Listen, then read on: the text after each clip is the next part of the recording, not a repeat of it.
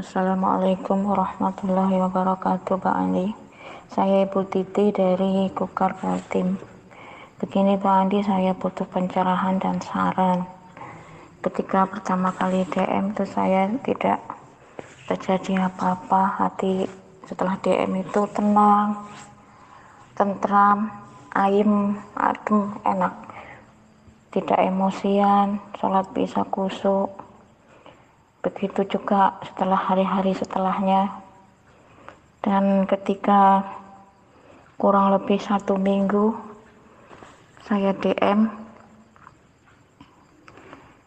uh, eh, ketika saya DM itu tiba-tiba badan saya bergetar dan saya kuping saya itu berdengung mendengar mendengar apa alam ini berzikir. Alam di sekitar saya berzikir. Benda-benda di sekitar saya itu berzikir. La ilaha illallah. Dan saya badan saya itu bergetar terus. Lalu tiba-tiba ada sesosok seperti awan seperti kabut yang menarik tangan kiri saya. Terbang ke langit. Lalu saya melewati tangga-tangga di mana tangga-tangga tersebut bersinar. Bertingkat-tingkat ada tiga tingkatan yang dijaga oleh sesosok-sosok yang berwajah sama, tubuhnya sama, postur tubuhnya sama, bentuk mukanya pun sama, dan penjaga di tangga-tangga yang bersinar tersebut mengucapkan salam pada kami sambil menundukkan badan menghormati kami. Badan mereka itu bercahaya Lalu saya sampai di tangga paling puncak, di mana di tangga paling puncak tersebut ada sinar terang cahaya yang menuju ke arah atas. Lalu saya ditarik lagi oleh awan kabut tersebut naik melesat melewati cahaya tersebut naik terus ke atas lalu saya sampai di suatu tempat yang lapang di mana banyak sekali orang-orang yang berzikir menyebut la ilaha illallah bersap-sap bertingkat-tingkat. Lalu saya terbang terus melewati orang-orang yang berzikir tersebut. Lalu sampai di suatu tempat yang indah yang bercahaya di mana di tempat itu ada sesosok laki-laki yang sangat bercahaya yang rupawan yang sangat sangat rupawan wajahnya. Lalu saya bertanya sama awan kabut yang membawa saya tersebut siapakah orang itu? Dia menjawab dia itu Rasulullah Shallallahu Alaihi Wasallam. Katanya begitu. Lalu saya seolah-olah tidak percaya. Saya pandangi wajah beliau. Saya lihat di sekelilingnya di belakangnya banyak sekali pengawal-pengawal yang bersinar. Yang muka mereka itu Muka mereka itu seperti kabut, tidak terlihat wajahnya. Badannya bercahaya. Banyak sekali. Dan Rasulullah itu di depannya. Lalu saya melihat di dadanya Rasulullah itu ada tulisan nama Muhammad di dadanya dalam bahasa Arab itu bersinar terang hingga saya bisa melihatnya di balik bajunya, di balik jubahnya. Lalu saya mendekati mendekati laki-laki tersebut sambil mengucapkan salam. Assalamualaikum ya Rasulullah. Assalamualaikum ya Rasulullah Assalamualaikum ya Rasulullah dan Rasulullah tersenyum tersenyum lalu mendekati saya mendekati saya lalu tersenyum beliau mengusap kepala saya tiga kali. Lalu beliau berkata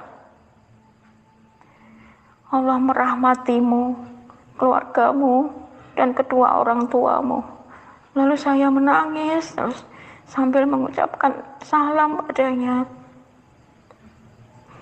Lalu beliau tersenyum, tersenyum saya pandangi wajahnya, saya lihat wajahnya, saya lihat matanya, badannya, semuanya bersinar terang.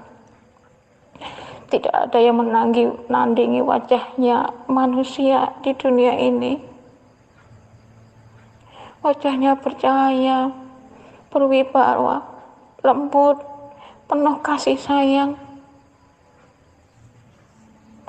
Lalu beliau tersenyum dan tersenyum terus melihat saya menangis sambil mengucapkan salam. Assalamualaikum ya Rasulullah.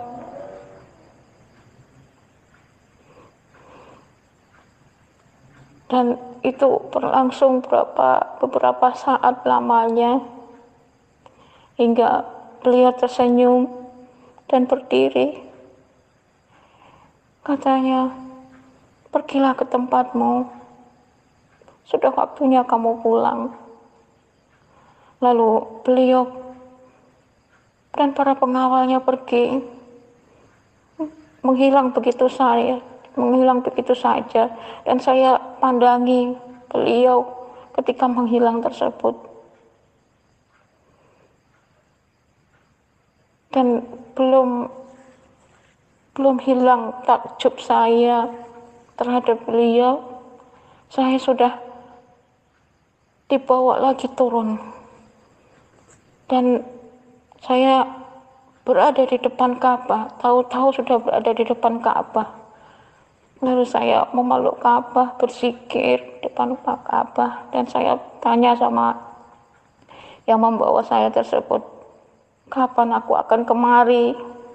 Dia menjawab, tidak lama lagi kamu akan kemari, akan ada yang membawamu kemari, katanya begitu.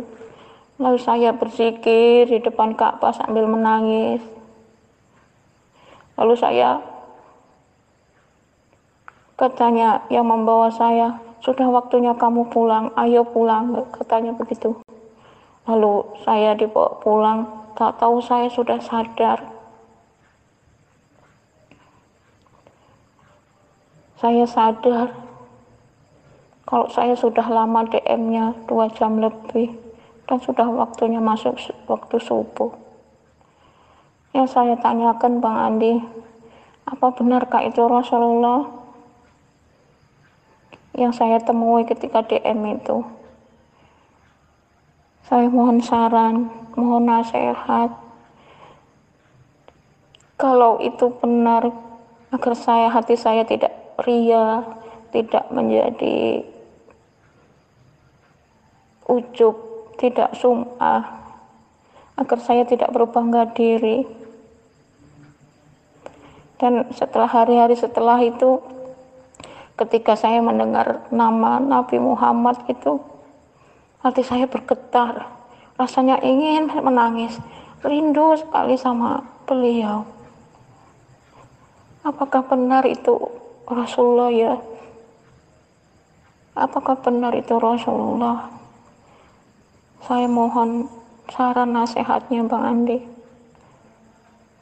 itu saja saya berniat ketik awalnya berniat DM hanya untuk mendekatkan diri kepada Allah hanya untuk mencari ridhonya Allah tidak mencari apa pun saya hanya ingin mendekatkan diri itu aja itu aja Bang Andi. Mohon pencerahan saran. Assalamualaikum warahmatullahi wabarakatuh. Waalaikumsalam warahmatullahi wabarakatuh. Terima kasih banyak Ibu Titi sudah berbagi cerita, berbagi pengalaman untuk kita semua. Ya semoga ini bisa diambil pelajaran bersama.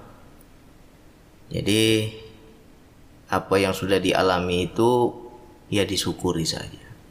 Ya. Dari awal cerita sampai akhir cerita di situ kan banyak kebaikan diperlihatkan, tidak ada yang aneh-aneh. Ya. Emang yang anehnya mungkin kita melihat suatu pemandangan yang menakjubkan ya. Melihat tangga yang bercahaya, melihat taman luas atau tempat yang luas, tanah luas ya. Apalagi melihat para pengawal atau orang yang wajahnya serupa sama semua ya kan. Ya syukurin aja lah kalau kita sudah melihat itu syukuri. Lalu pada poinnya bertemu dengan Rasulullah dan di situ jadi tanda tanya karena itu pengalaman pertama dan kita nggak paham, makanya Bu Titi bertanya, apakah benar bang itu Rasulullah atau bukan? Sekarang tanya lagi kepada diri sendiri.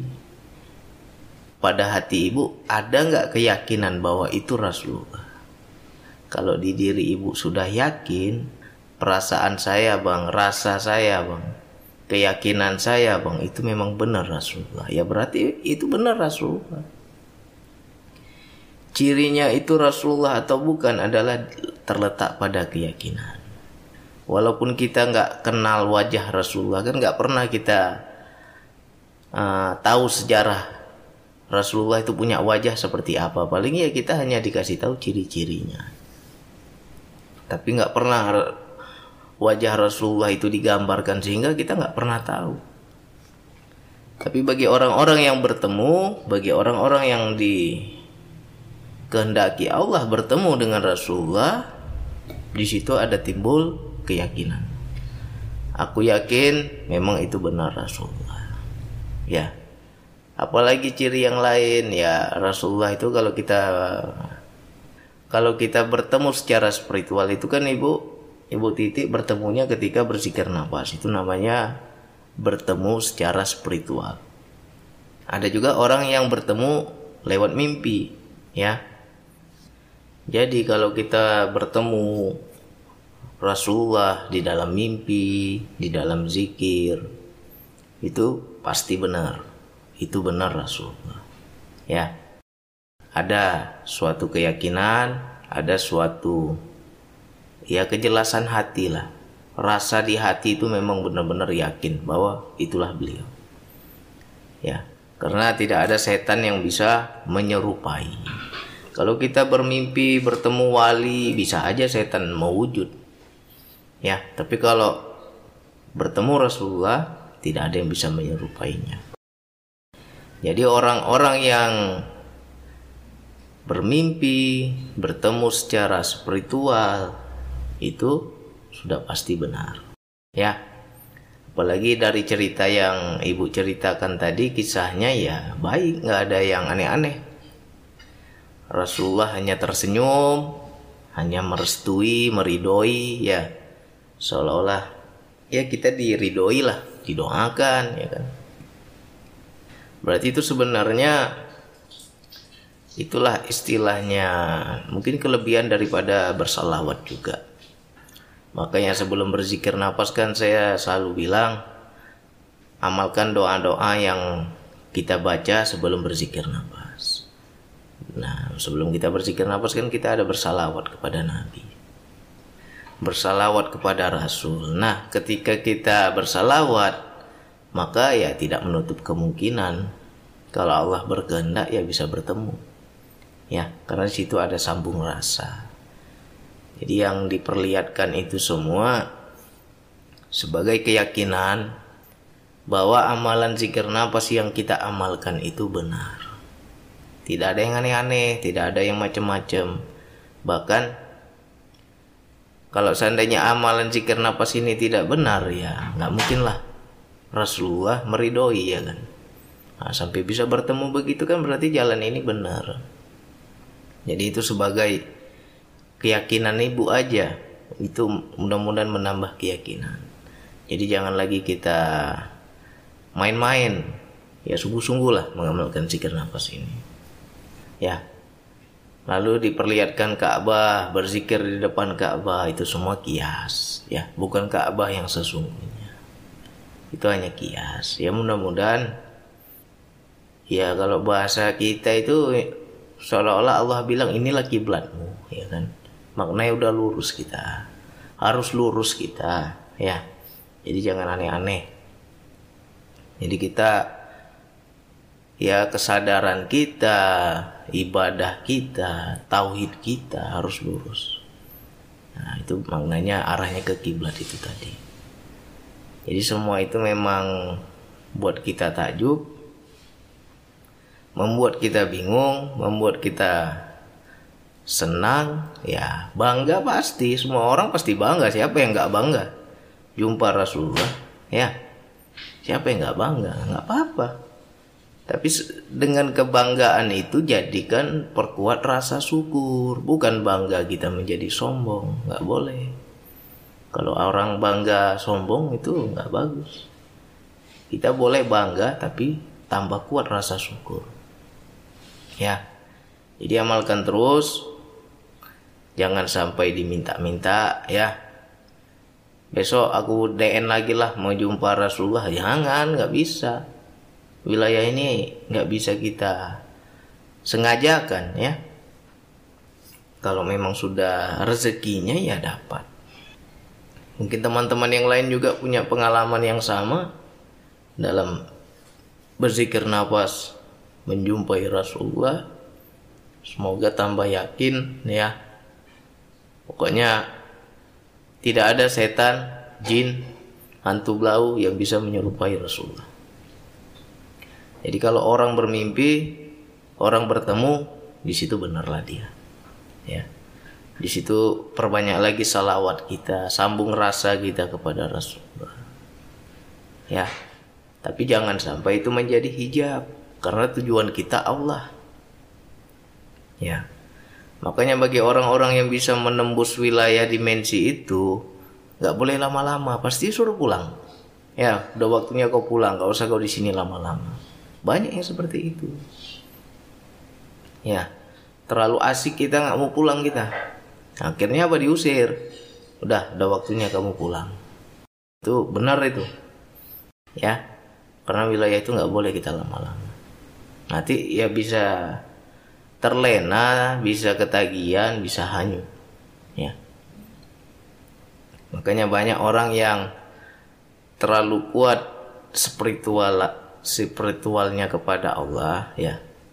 Terlalu kuat zikirnya, terlalu kuat memperdalami ilmu makrifat ini.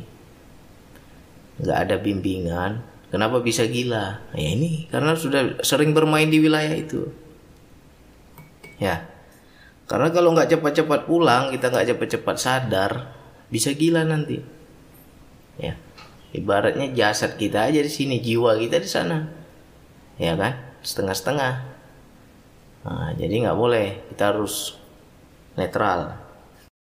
Ya, ini untuk Bu Titi banyak-banyak bersyukur, istiqomah terus, DN-nya jangan harap apa-apa.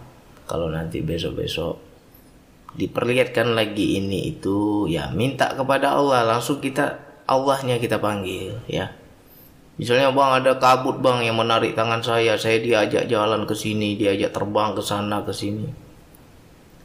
Langsung itu di bypass. Macam mana bang? Ya Allah bukan ini yang aku hendak tuju. Yang aku hendak tuju itu engkau ya Allah. Nanti hilang itu. Nggak ada lagi pemandangan ini pemandangan itu ya. Cuman banyak kita terlena pada pemandangan. Ya. Ini saya wanti-wanti, jangan hanyut kita ke situ. Ya. Berbahaya ini orang-orang yang sudah sering main ke situ kalau udah kecanduan nggak mau pulang memang. Ya. Tapi tetap akan diusir. Pasti diusir kita. Udah waktunya pulang kau katanya. Ya. Jadi syukuri aja semuanya ya sosok orang yang wajah serupa tadi itu. Kenapa ya bang? Banyak bang. Wajahnya sama semua. Badannya sama mukanya sama pakaiannya sama itu malaikat. Ya menurut keyakinan saya itu malaikat. Wajahnya sama ya. Ya banyaklah. Wilayah ini cuman dilarang nggak boleh terlalu dibuka. Harus direm-rem. Ya nanti takutnya orang mencari-cari. Oke hanya itu aja yang bisa saya sampaikan Ibu Titi istiqomah terus yang lain juga. Semoga tambah yakin. Sekian dari saya. Wassalamualaikum warahmatullahi wabarakatuh